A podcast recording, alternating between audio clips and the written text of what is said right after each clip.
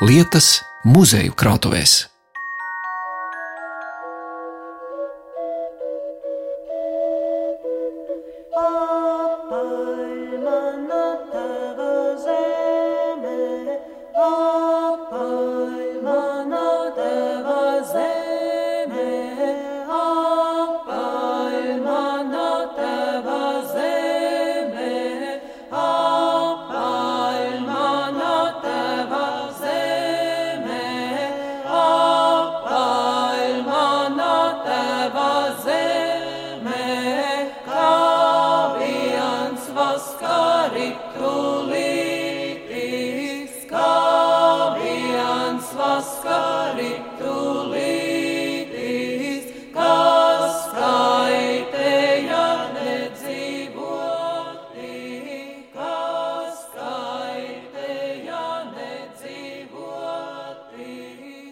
Tas puika, kurš nāca pasaulē pirms 188 gadiem, 31. oktobrī, Struteles mūžas vagara ģimenē, varēja iedomāties, ka viņa vārdā būs nosaukta iela, zvaigzne, muzejs, skolas, un savukārt mēs vai varam iedomāties, kāds šodien būtu mūsu kultūra vēsturiskais mantojums, ja Krišjāns Barons savas dzīves 45. gadā nebūtu sācis apkopot latviešu tautas dziesmas. Šodien Dainu tēvs ir kā simbols, kā pīlārs mūsu garamantām. Kungs gados cienīgs, garu sirmu bārdu, apaļām acenēm, tāds ir tas zināmākais krišāņu barona tēls. Šajā raidījumā, ko ierakstīju Barona muzejā, iepazīsim Dainu tēvu kā jaunekli, kā taupīgu vīru un arī viņa dzimtu. Lūkojot pašaustu vilnas segu, uzzināsim, kā Dārta Barona no tās mazmeitām svārkus pašuva Lapojot skolas burtnīcu, būs ieskats Krišāņa barona astronomijas zinībās, kristību krekliņš atklās skaudru lapusi par mazdēlu Kārli baronu, un pastas varus lūkojot, dzirdēsim, kā dārta rakstīt ir mācījusies. Muzeja galvenais speciālists Andris Ērklis rāda nelielu gaiši pelēku segu, kur akurātās rindās ir iausti sarkani un melni ziedu raksti. Tas ir stāsts par Krišāņa barona māti, sievu un mazmeitām.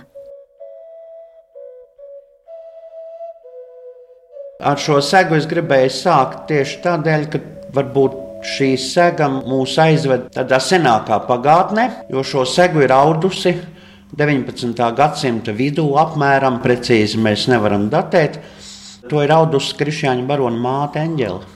Nu, tas ir viņas darinājums. Un, un par šo segu mēs jau zinājām arī tad, kad muzejs tikko tika atklāts pirms 38 gadiem.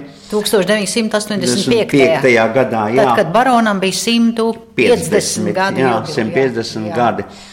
Un, eh, protams, mēs zinājām, jo barona muzejā arī viesojās, un mēs tikāmies ar, ar baronu pēctečiem, un mazmazmeita Ilze Ērgla bija visbiežākais ciemiņš, un kura arī dzimtā bija glabājusi visvairāk šo relikviju no, no barona. Un, eh, nu, Sega jau pati par sevi etnogrāfiski ir interesanta, bet tas ģimenes stāsts, ko Ilza mums atstāja, varbūt bija vēl saistošāks. Jo nu, pirmkārt, to ir audusi, kā jau es teicu, Krišņāņa barona māte Eņģela. Un pagāja laiks, un, un tad viņa šo segu dāvināja savai vedeklai. Vedeklu sauca Dārta. Dārta jau mums ir pazīstama kā Krišņāņa barona sieva. Tā šī sega jau glabājās Krišņāņa barona ģimenē, un sega tika izmantota dažādiem mērķiem, pat kā aizkara tika izmantota. Bet tad pienāca tāds brīdis, kad bija Krišņānam baronam jau mazmeitas izaugušas, nu, tādā vecumā, ka viņām jau gribējās aiziet uz kādu balli. Bet laiki bija diezgan grūti, un, un neko īpaši nopirkt un iegādāties nevarēja. Un tad dārta, kura tāda diezgan radoša bijusi, kā noprotams, savā arī dzīvē, tad viņa saka, ai, nu, ko tie aizkari tur stāv? Redz, cik skaisti un noņēmusi tos aizkarus, pārgriezusi segu uz pusēm un ātri vien uzšuvusi abām mazmeitām skaistus tautiskus svārkus, lai meitenes var pucēties un iet uz balli. No tās vilnas no segas. tās vilnas sekas. Mēs runājam, tas bija 20. gadsimta sākumā, jā, pirms tas Pirmā ir- pasaules kara. Nu, tas varētu būt īsi pēc, vai pat varbūt vēl kara laikā. Ja? Precīzi arī Ilze to gadu nevarēja atcerēties. Un eh, nu, gāja laiks, un eh, 1944. gadā viena no mazmeitām, Lidija, devās prom no Latvijas. Ja? Tātad tieši arī mēs šobrīd esam arī tajā istabā, kur dzīvoja mazbērni, un mazmeitas un, un, un arī mazdēls. Un no šīm istabām Lidija jau ar saviem dēliem devās prom. Un tad eh, viņa to savu eņģeles augstās segas, to gabaliņu, kas viņai bija uzšūts, to viņa paņēma sev līdzi trimdā. Un Tas otrs gabaliņš palika pie māsas, kura palika Rīgā. Tātad Ilza Zērlis, mātes biruts. Un, eh, tā ir teikt, tas stāsts vai sapnis, ka kādreiz tās segas abas daļas atkal sanāks kopā. Bet, nu, diemžēl, tas otrs gabaliņš, kas ir pāri okeānam, aizbraucis līdz Lidijai, mēs tam pēdas šodien vairs īsti nevaram sadzenāt. Bet pussega, tā pussega, kas palika Latvijā pie Birutas, tā ir mums. Un to mēs šodien arī varam redzēt. Šis stāsts jau izsaka vairāk, vairāk nekā varbūt pati tā lieta, kura, protams, arī ir skaista un, un vērtīga. Baloži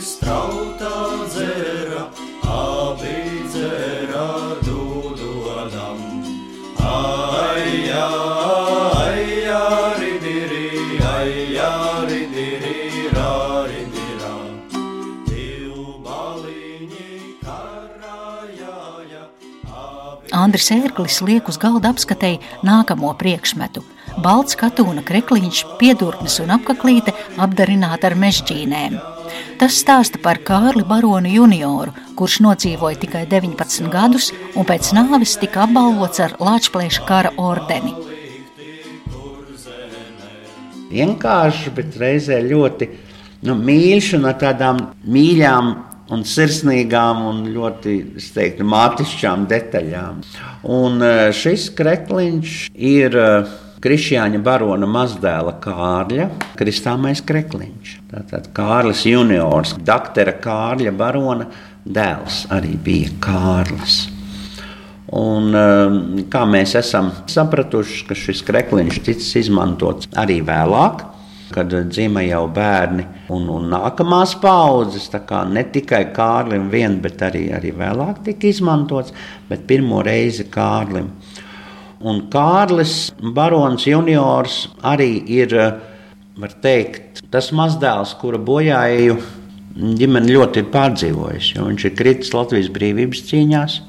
Viņi ir ar, abi ar brāli Pauli beiguši komercskolu un ieguvuši izglītību. Un tad, uh, 18 gadu vecumā, kad ir brīvības cīņas, tad Kārlis ir iestājies studentu rotā kā brīvprātīgais. Un 19. gadā, martā, viņš ir uh, arī citiem cīņu biedriem ir kritis. Un um, ir apglabāts vēlāk brāļu kapos, netālu no mātes Latvijas tēla ir viņa atdusmas vieta ar uzrakstu Lietuvāns Kārlis Barons.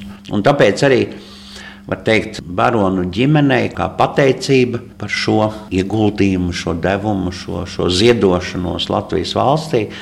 Arī tika piešķirts nekustamais īpašums, tagad, kas ir pie Dainu kalna turēdā, mājas, kuras saucās Slakteri, bet kuras pārdevēja ģimene Dainas. Ja, tur arī Krišņāņa barona mūža pēdējā vasara ir pavadīta. Un, un, un, un šobrīd arī tur barona pēcteču saimnieko un domā, kā barona piemiņu tur arī iemūžināt.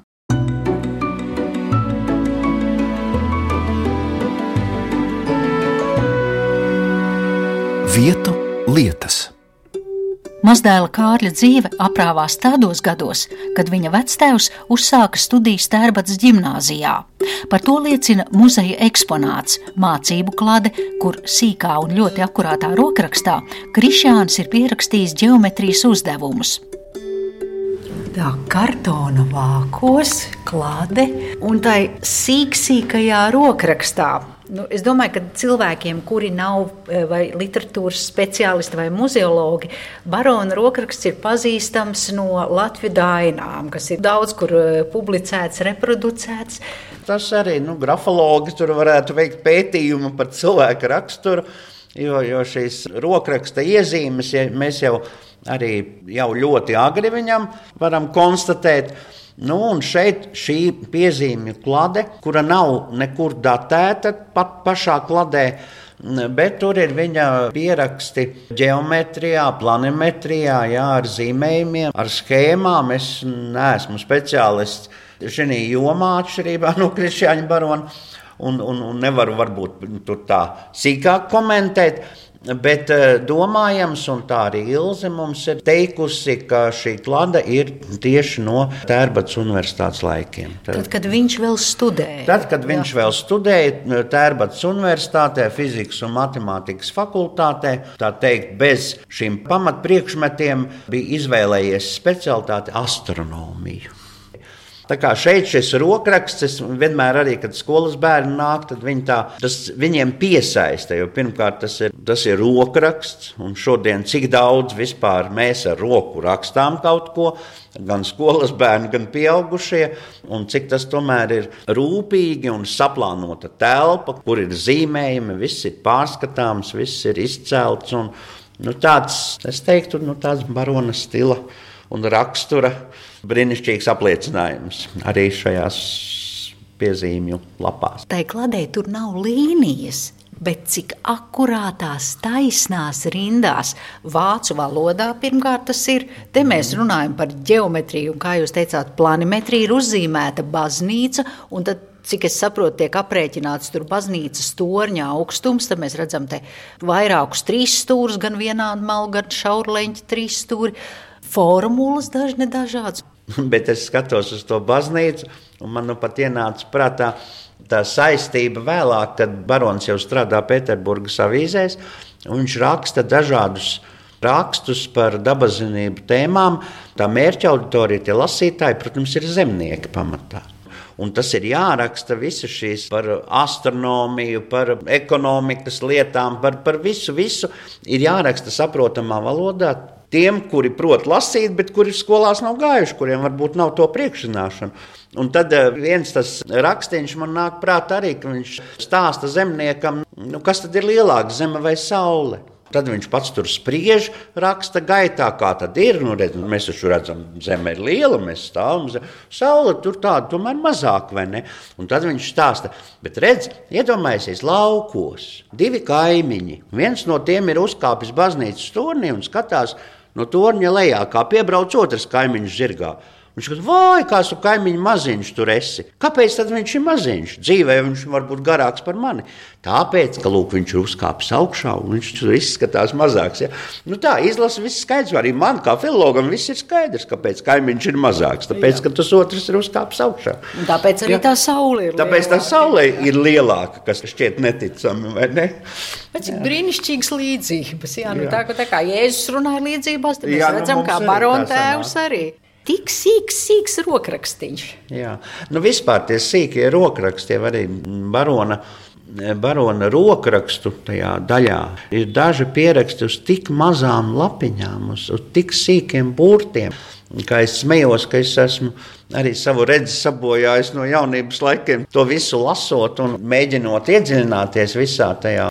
Un tas arī stāsts, protams, par taupību. Papīrs sev ir dārgs. Un tāpēc tiek izmantots jebkurš papīrs, jebkura brīva vieta. Tur nav tāda vaļība, ka mēs uzrakstām dažus vārdus un izmetam ārā. Ja? Tur ir no vienas puses, un, ja tur ir balta puse, tad izmanto otru pusi. Un tā, un starp citu, par šo taupību arī ir eh, stāsts par to, kā ir saglabājusies. Tas gan Latvijas folkloras krātuvē, tur tas oriģināls glabājas. Latvijas dainu rokraksta pirmā lapa Jo tad, kad Dainis sūtīs tipogrāfiju, protams, viss tika pārrakstīts. Tas pats rokraksts nav saglabājies. Bet tā pirmā lapa ar to pirmo tautas dziesmu, un otro, un ar visu to, kā barons tos variantus ir atzīmējis, ir saglabājusies tāpēc, ka uz otras puses barons ir uzrakstījis vairāku vēstuļu uzmetumus. Un, un viņš izmantoja to papīru un faktiski. Nu, tās vēstules, protams, arī ir interesantas, bet tajā otrā pusē jā, ir tas dainu rokraksts, arī ir saglabājies. Tad tas rokraksts arī liecina par taupību. Runā, ka barons arī esot bijis nu, tiešām ļoti nu, tik taupīgs, ka pat uh, skops un sīkstulīgs arī tā par viņu mēdz teikt, ka visu, ka viņš ļoti rūpīgi uzraucīs, kam saimniecībā ģimene tērē naudu. Jā, tieši tā, jā, jo viņam ir arī tie saimniecības izdevumi, un pats viņš ar to ļoti lepojās. Un tā uzskatīja, ka pateicoties viņa, viņa šiem aprēķiniem un, un taupībai, arī vispār ģimene var savilkt galus kopā. Ja. Kaut gan patiesībā nu, tur bija daži citi knifi. Kā jau es teicu, Dārta bija radoša, radoša mājas māte un, un varēja visu ko izdomāt. Bet, jā, kā es uh, smējos, tur tādā vienā piezīmju lapiņā tur arī ir uh, rakstīts, ka vienā pusē Viņš ir izdevis trīs kapeikas tramvajam, tie ir izdevumi. Un uh, nākamajā dienā viņš ir gājis kājām. Un tās trīs kapeikas viņš ir ierakstījis ietaupījumu sadaļā. Ja? Tā kā redzēt, kā Jā, bet interesanti, un arī nu, filmā dzīvīte tas ir, un, un, un arī atkal lasīts par baronu, ka viņam nu, īpaši tās sadzīviskās lietas it kā nav interesējuši, ka viņš jau vairāk par tām lielām lietām un tā dārta par pannu un kastroļu ceļiem, kamēr viņš tur par zvaigžņu un, un, un mēnesis ceļiem. Nu, jā. bet lūk, tajā pašā laikā viņš ieraksta par tām. Jā, tas, kas attiec uz naudas lietām, un tā viņš varbūt neprot kārtīgi plīt iekurināt, kā Aivars Freimans filmā to ir interpretējis, ja? bet tādā rēķinu lietā viņš tomēr matemātiķis.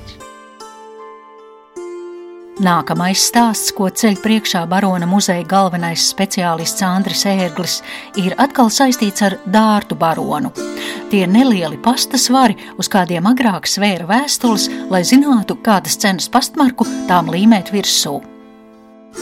Un tas ir stāsts, protams, arī par to, Kā tad barons eh, savāca tik daudz tautas dziesmu, kādā veidā, ar vēstuļu palīdzību, kuru viņam sūtīja vairāk nekā 900 līdzstrādnieku. Bet eh, mūsu stāsts par šiem svariņiem saistās ar dārtu. Jo tad, kad Krišjānis Barons atgriezās Rīgā no Krievijas, nu, viņš atgriezās ar Dainu skapi. Dainu skapis jau bija izgatavots Maskavā un jau bija faktiski jau piepildīts. Tad nākamais uh, darbs un uzdevums bija to visu bagātību izdot grāmatās. Un tad uh, vajadzēja gatavot to manuskriptu. Tā barons gatavo šo dainu krājumu izdošanai. Un tad dārtas uzdevums ir uh, sagatavot tipogrāfijai sūtāmo materiālu un aiznest uz pastu. Un, uh, lai pastā viss notiktu ātrāk, tad uh, mājās jau tiek nosvērta tā paciņa, tiek uzrakstīts jau uz paciņas, cik tā sver.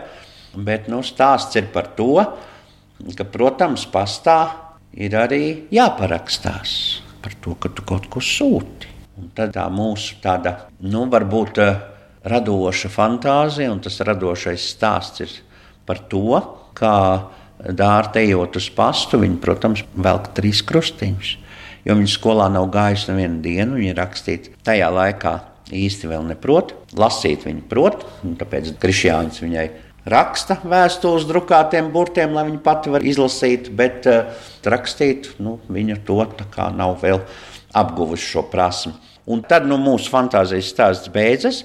Bet uh, atmiņas stāsts no Vedeklas Līnas. Kādu dienu Līna atvērusi durvis uz Mēmiņas istabu un redz, ka Mēmiņa ir sameklējusi vecās krišņāņa rakstītās vēstules no Ostrogoškas. Paņēmusi, nolikusi sev priekšā baltu papīra lapu, rakstāmo, un tā lapa jau līdz pusē ir aprakstīta ar vārdiem. Un vārds ir tikai viens - D, baron, D, baron, D. Baron. Un tā viņa 60 gadu vecumā pirmo reizi ir nu, sākusi rakstīt savu vārdu, kā mēs tā sakām un domājam, lai viņa pastāv varētu parakstīties, kā cienīta barona kundze, sūtot šīs dainas. Nu, vēlāk viņa rakstīt prasmi apgūst diezgan labi un sūta mazbērniem arī dažādus apsveikumus. Un, un arī viņai vēlāk raksta vēstules jau tādiem parastiem rakstītiem burtiem, nevis drukātiem. Mācīties nekad nav par vēlu. Un šie svariņi, šie pasta svariņi, uz kuriem, kā mēs sakām, visas Latvijas dainas ir nosvērtas, pa daļām, protams. Tas ir arī tāds stāsts par to, ka visu mūžu ir jāmācās. Un noslēgumā raupji tēsta spieķa stāsts, kas ietver sevi visu Krišjāņa barona dzīves gājumu un viņa devumu tautai. Barons ir par visu interesējies jau no mazām dienām. Kāpēc viņš studēja astronomiju, kur viņš šodien mēs teiktu, nu, darba vietas jau nav. Nu, cik tad tur ir trīs observatorijas, nopietnas visā Krievijas impērijā? Kur tad tur tur štata vietas jau viss ir aizpildīts ar sirmām vārdām, profesoriem un pētniekiem? Ja? Kur tu ar to iesi? Ja? Bet tā cenšanās iegūt labu izglītību, uzzināt kaut ko vairāk, skatīties augstāk. Nu, tas ir tas, kas dod mums to pamatu. Tad, kad tev ir šī, šī motivācija, vēlme šo pasauli iepazīt, ka tu to, to pasauli sevī, sevī atstaro visu un, un tad sniedz atpakaļ to savu stāstu, un savu domu un savus darbus, tad jau tu arī sirmā vecumā vari ņemt pie rokas paša gatavotu kadiķa koka ceļa spieķi, ko mēs te redzam Ja, un staigāt pa pasauli. Kā Freemaņa filmā skaisti, barons iet Valdemāra Zandberga tēlā gar jūras malu un tā kā dieviņš sēž sudrabiņu. Ja, un rokā viņam ir tas paša gatavots spieķis. Tā ir arī, manuprāt, tā doma, ka tu tajā dzīvē, tajā jaunībā, tu krāj to pieredzi, lai mūža nogalē Tev būtu savs spieķis, pie kā pieturēties. Un pats gatavojas. Un varbūt cilvēkiem arī jā, tie, kuri nekad nav bijuši Barona muzejā, šeit ekspozīcijā var redzēt, kā diķis spieķis darinājis Krišāns Barons ap 1910. gadu. Tad robusta bozīte ļoti vienkārši, bet visu to rokturi. Tāda, jā, tāds pamatīgs, tā. jā. jā. Koka darbi baronam ir, ir patikuši. Vienmēr viņš dažādas pakarmos ir veidojis, un dažādas koka figūras, un pat instrumentus, piemēram, līmeņa rādi. Un, un par šo kadiķu spieķi ir stāsts tāds, ka Barons to ir gatavojis dzīvojot Burtnieku mājā, vecmīlgrāvī. Un, eh, protams, tā bija tāda aktīva vieta, kuru bija izveidojis Augusts Dombrovskis. Tur ap viņu bija ap baronu ģimeni, citos dzīvokļos tur dzīvoja tiešām jaunieši. Jānis Jauns uzrabiņš, Kārlis Skalbe, vēl citi. Un barons tur bija tas sirmākais. Bet tad pienāca Pirmā pasaules kara laiks. Un visi tie iedzīvotāji aizbrauca prom. Un tad pienāca viens brīdis, kad barons tur palika viens, burtnieku mājā.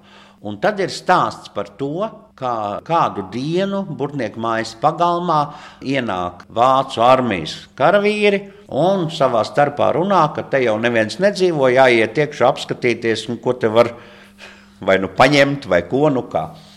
Un tad atmiņu stāsts ir tāds, ka Krišjānis Barons to dzirdēdams, viņš iziet mājas priekšā, rokā viņam ir šis spieķis, Un viņš, protams, perfektā vācu valodā, viņš bija vācu valodas skolotājs gimnājā. Viņš jautā, ko kungi vēlas, varbūt viņš var palīdzēt. Un tad tie karavīri skatās uz to sirmo baronu tēvu. Nu, varbūt arī uz to spieķi, kurš izskatās diezgan tā, tā iespaidīgi. Es saku, nē, nu, atvainojiet, nē, viss, viņi te kļūdījušies. Viņi te tā, tā kā, nu, mēs sakām, ka šis spieķis ir izglābis burtnieku māju varbūt no laupīšanas. Ja? Jā, bet nu, tāda epizode arī.